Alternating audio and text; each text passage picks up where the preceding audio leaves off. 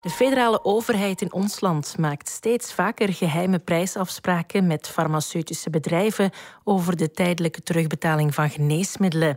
Dat schrijft nieuwsmagazine Apache. Volgens cijfers van het RISIF gebeurde dat vorig jaar 115 keer. De overheid probeert zo erg dure geneesmiddelen, waarvan nog niet helemaal duidelijk is hoe goed ze werken, toch al beschikbaar te maken voor patiënten met zeldzame ziektes.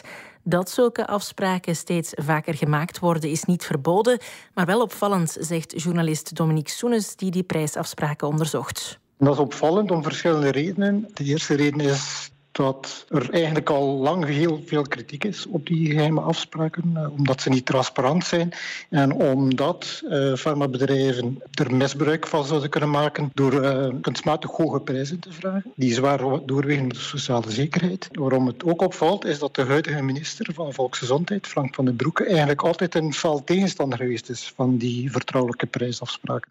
Minister van Volksgezondheid Frank van den Broeke zegt in een schriftelijke reactie dat hij de voorwaarden en de duur van de prijscontracten wil herzien en het systeem ook transparanter wil maken.